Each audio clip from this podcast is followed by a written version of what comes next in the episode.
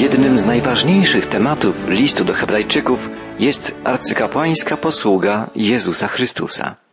O Chrystusie jako arcykapłanie najwięcej czytamy w siódmym rozdziale listu.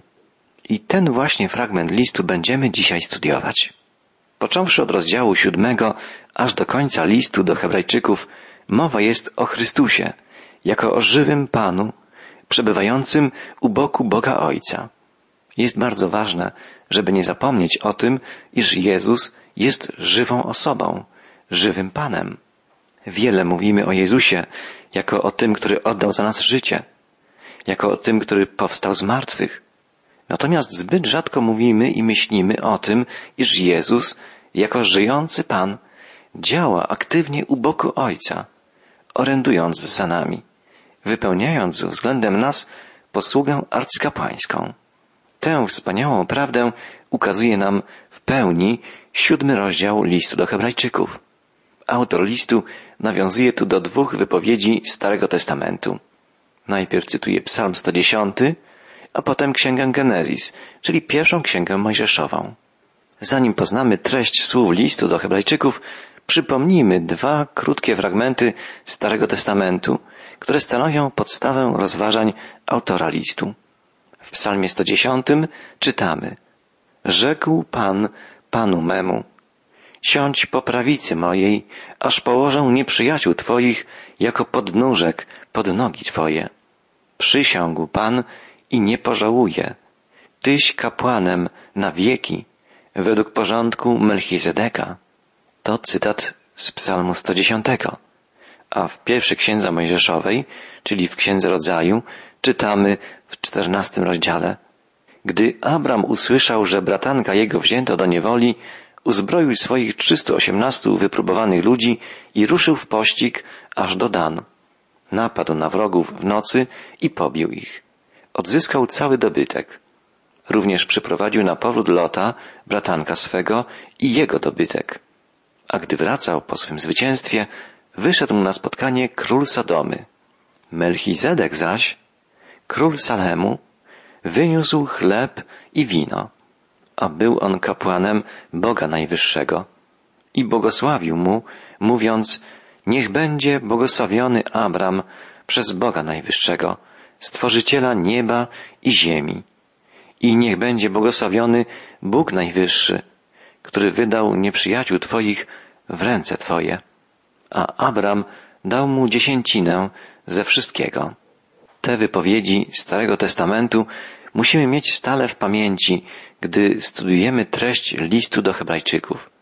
Rozdział szósty listu, jak pamiętamy, kończy się stwierdzeniem, iż Jezus wszedł do miejsca najświętszego jako odwieczny arcykapłan na wzór Melchizedeka. Siódmy rozdział listu do Hebrajczyków otwierają następujące słowa. Ten właśnie Melchisedek był królem miasta Salem i kapłanem Boga Najwyższego.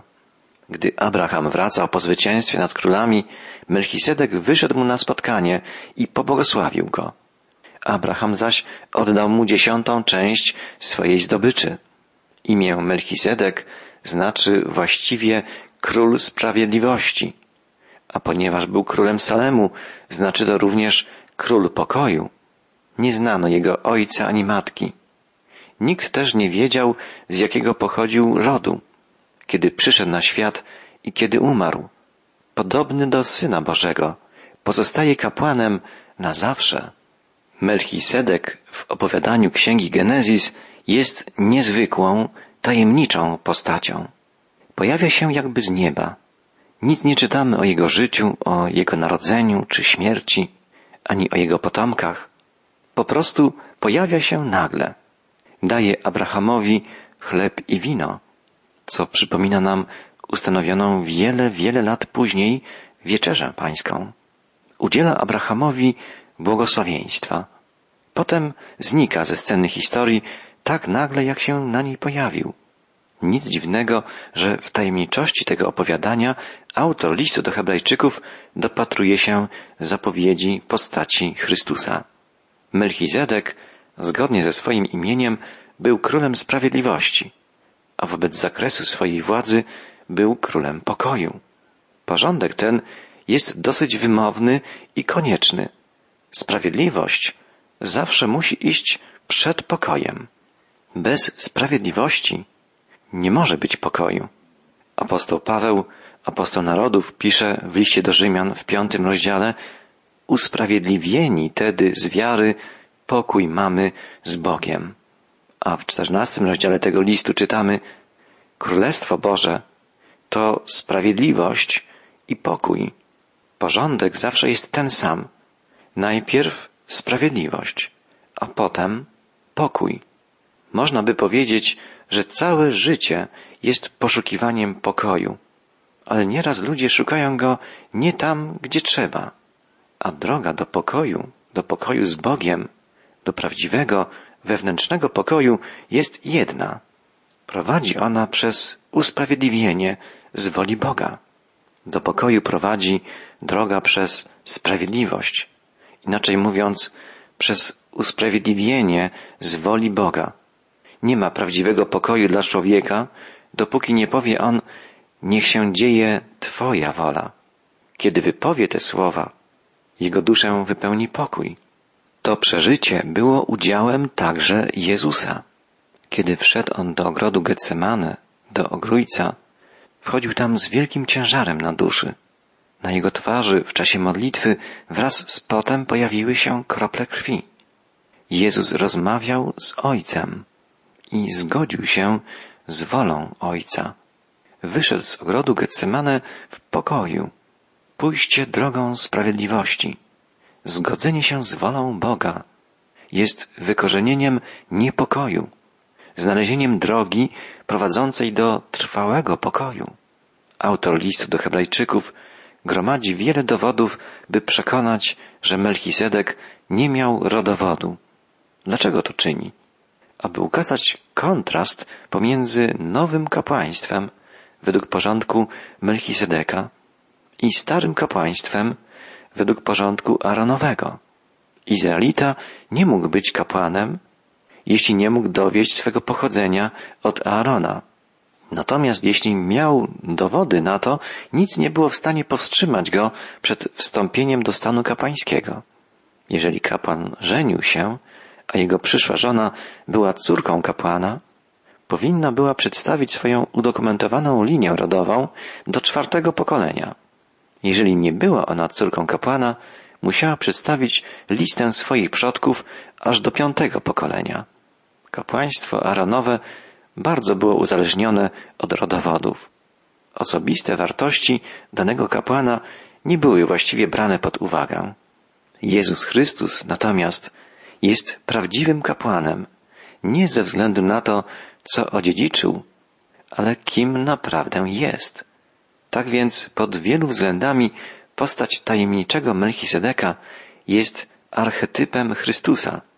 Zapowiada to, kim będzie Mesjasz. Samo imię Melchisedek składa się z dwóch hebrajskich słów. Melek to znaczy król i Cedek to znaczy sprawiedliwość. Melchisedek więc to król sprawiedliwości. Czytamy też o nim, że był królem Salemu, a słowo Salem oznacza pokój, czyli był królem pokoju. Był, co autor listu do Hebrajczyków stwierdza na samym początku, kapłanem Boga Najwyższego, czyli przedstawicielem Boga pomiędzy ludźmi. Wszystkie te atrybuty wskazują na Jezusa. Jest On królem, jest kapłanem, jest księciem pokoju, jest tym, który wprowadza sprawiedliwość. Bardzo niezwykłe jest to, że Melchisedek, wychodząc na spotkanie z Abrahamem, przyniósł ze sobą chleb i wino. Melchisedek i Abraham zapewne spożywali wspólnie chleb i wino, co było niejako proroczą zapowiedzią społeczności stołu pańskiego. Jest to bardzo niezwykłe, jeśli weźmiemy pod uwagę, iż wieczerzę pańską ustanowił Chrystus wiele lat później. Przecież czasy Abrahama dzieliło około dwóch tysięcy lat od owego dnia, kiedy Jezus w przeddzień swojej śmierci, w czasie wieczerzy paschalnej, podał swoim uczniom chleb i wino, zapowiadając, co się wydarzy, gdy odda w ofierze swoje życie, gdy przeleje swoją krew, by zgładzić ludzkie grzechy, na krzyżu Golgoty. I jeszcze jeden uderzający fakt czyni postać Melchizedeka archetypem Jezusa Chrystusa. Nikt nie wiedział, z jakiego pochodzi rodu, podkreśla autor listu. Melchizedek pojawił się nagle i nagle odszedł. Podobnie było w przypadku Jezusa. Przyszedł na ziemię z wieczności, z nieba i do nieba powrócił. Wprawdzie znamy imiona jego ziemskich rodziców, ale nie był on w rzeczywistości synem Józefa z Nazaretu. Był synem Bożym. Narodził się w łonie dziewicy z mocy Ducha Świętego. Chrystus nie ma początku i nie ma końca. Jest wieczny. On jest początkiem wszystkiego i On jest też końcem wszystkiego. W Nim, poprzez Niego i dzięki Niemu wszystko powstało. I w Nim, dzięki Niemu i poprzez Niego wszystko się dopełni. Księga Genezis, Księga Rodzaju, nazywana jest Księgą Genealogii. Opisuje pochodzenie wszystkich stworzeń.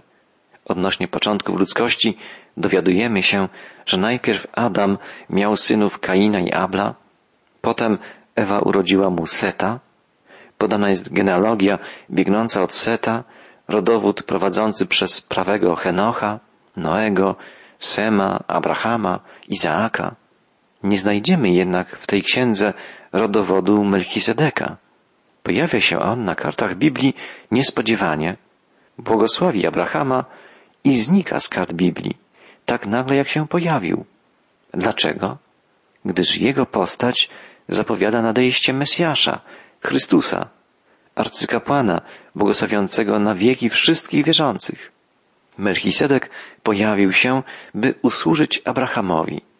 Pan Jezus Chrystus przyszedł, by stać się sługą nas wszystkich, jako wieczny arcykapłan, jedyny prawdziwy pośrednik pomiędzy Bogiem Ojcem a nami, usprawiedliwionymi grzesznikami.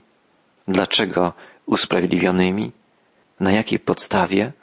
Bo odkupionymi przez Niego, oczyszczonymi Jego świętą krwią.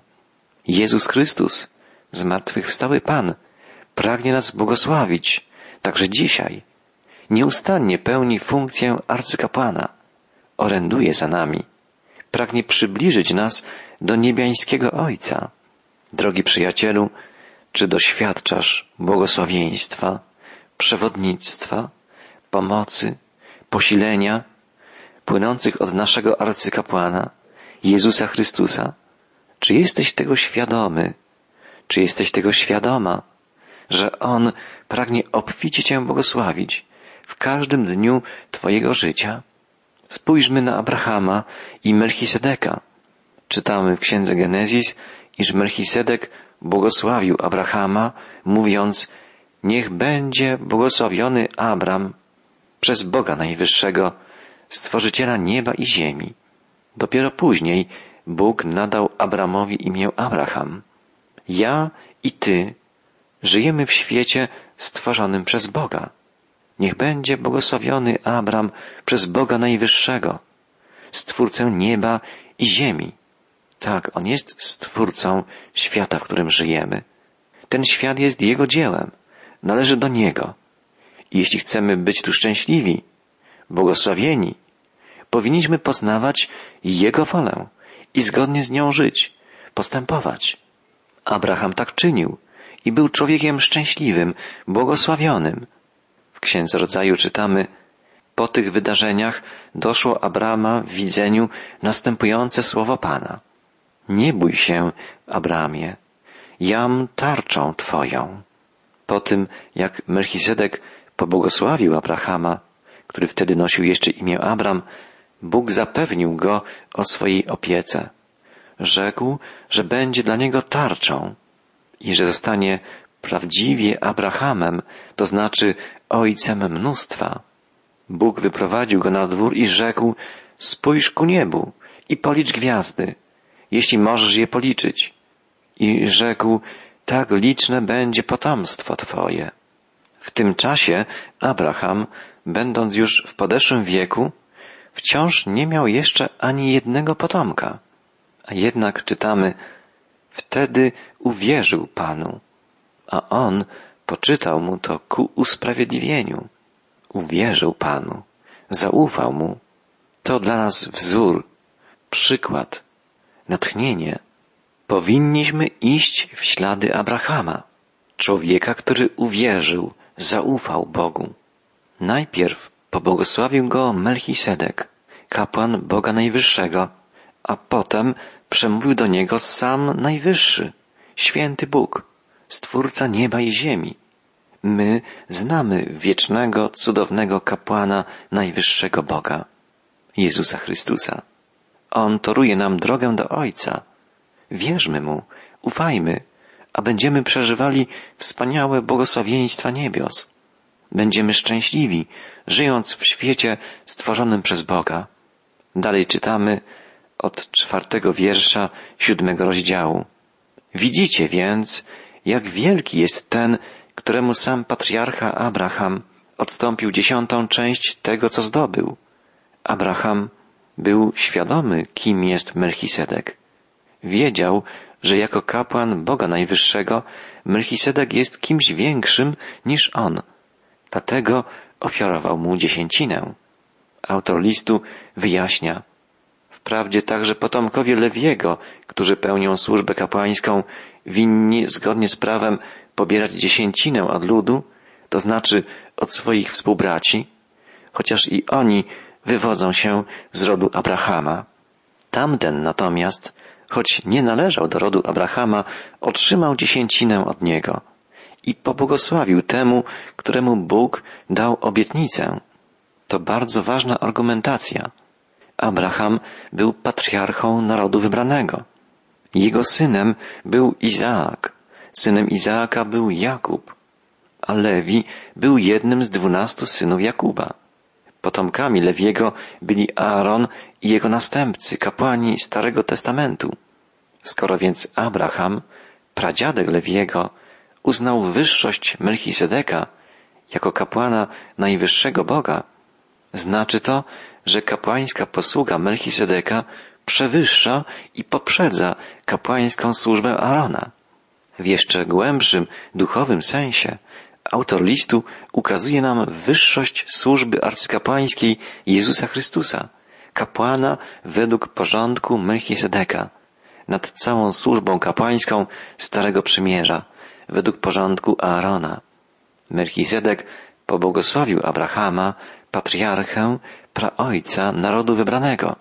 Był więc wyższy od niego, a tym bardziej był wyższy od Lewiego i Aarona, prawnuków, potomków Abrahama. Czytamy, nie ma wątpliwości, że ten, co udziela błogosławieństwa, jest większy od tego, który je przyjmuje. Abraham przyjął błogosławieństwo Melchizedeka. Złożył mu dziesięcinę. To znaczy, że uznał jego wyższość, jego nadrzędność nad sobą. My gdy przyjmujemy błogosławieństwo naszego arcykapłana, Jezusa Chrystusa, doświadczamy Jego wielkości. Przekonujemy się o Jego mocy, o tym, że On jest ponad wszystkimi. Dalej autor listu podkreśla, potomkowie Lewiego, którzy pobierają dziesięcinę, to ludzie śmiertelni, ale o Melchisedeku świadczy pismo, że on żyje. Kapłani z rodu Lewiego, potomkowie Aarona, także pobierali dziesięcinę z ofiar składanych przez ludzi i w tym byli podobni do Melchizdeka, który wziął dziesięcinę od Abrahama. Ale kapłani, potomkowie Lewiego, przemijali, byli zwykłymi śmiertelnikami. Natomiast kapłan według porządku Melchizedeka, Jezus Chrystus, trwa na wieki i stale sprawuje swą arcykapłańską posługę. To wspaniałe, że On, jako Syn Boży, jako Zbawiciel, przyjmuje nas, choć tak mało znaczymy. Tak bardzo jesteśmy znikomi, śmiertelni grzesznicy. On przywraca nam godność, oczyszcza nas i stale zabiega o to, byśmy byli jeszcze bliżej Boga, bliżej Ojca. Posłuchajmy dalszej wypowiedzi autora listu. Można więc powiedzieć, że Lewi któremu przysługuje dziesięcina, sam przez Abrahama złożył dziesięcinę. Bo chociaż nie było go jeszcze na świecie, to przecież istniał w ciele swego praojca, któremu wyszedł naprzeciw Melchisedek. Aaron, jego synowie i wszyscy późniejsi kapłani byli potomkami Lewiego. Pobierali dziesięcinę z ofiar składanych przez lud na mocy przepisów Starego Przymierza. Jak wiemy, sam Bóg wybrał plemię Lewiego do służby pańskiej. Lewi, jako bezpośredni potomek Abrahama, był jedynym człowiekiem, który miał prawo przyjmowania dziesięcin. Skoro był potomkiem Abrahama, znaczy to, że już wtedy był w ciele Abrahama. Dlatego, gdy Abraham dawał Melchisedekowi dziesięcinę, Lewi też ją dał, będąc w ciele Abrahama. I stąd był to ostateczny dowód wyższości Melchisedeka nad nim. Jest to bardzo niezwykły sposób dowodzenia, ale na pewno dosyć przekonywujący dla odbiorców listu. Dowodzenie to zawiera w sobie wielką prawdę, iż postawa człowieka ma wpływ na jego potomków. Jeżeli popełnia on jakiś grzech, w jego potomkach może pojawić się skłonność do tego grzechu lub mogą wystąpić jakieś fizyczne ułomności spowodowane przez ten grzech. Jeżeli zaś jest on postacią pozytywną, przekazuje swemu potomstwu cechy pozytywne. Lewi, idąc za wywodami autora listu, był pod wpływem tego, co uczynił Abraham. Mimo zawiłości tej argumentacji, pozostaje nam jedna niezmienna prawda. Człowiek nie żyje tylko dla siebie samego, ale coś z siebie przekazuje tym, którzy przychodzą po nim. Tak stało się w przypadku Abrahama, ojca wiary, w którego lędźwiach, mówiąc obrazowo, żył już Lewi, jego prawnuk. Przyjął on wspólnie z Abrahamem, Izaakiem, Jakubem błogosławieństwo Melchisedeka. O ileż wspanialsze błogosławieństwo możemy przyjąć my dzisiaj, gdy zwrócimy się ku wiecznemu kapłanowi, którego zapowiadał Melchisedek, kiedy zwrócimy się ku Chrystusowi, Synowi Bożemu. On, jako jedyny prawdziwy, wieczny arcykapłan, może dokonać przebłagania za nasze grzechy i stawić nas nieskalanymi przed obliczem Ojca, jak napisał apostoł Jan. Dzieci moje, to wam piszę, abyście nie grzeszyli. A jeśli by kto zgrzeszył, mamy orędownika u Ojca, Jezusa Chrystusa, Sprawiedliwego. On jest ubłaganiem za grzechy nasze.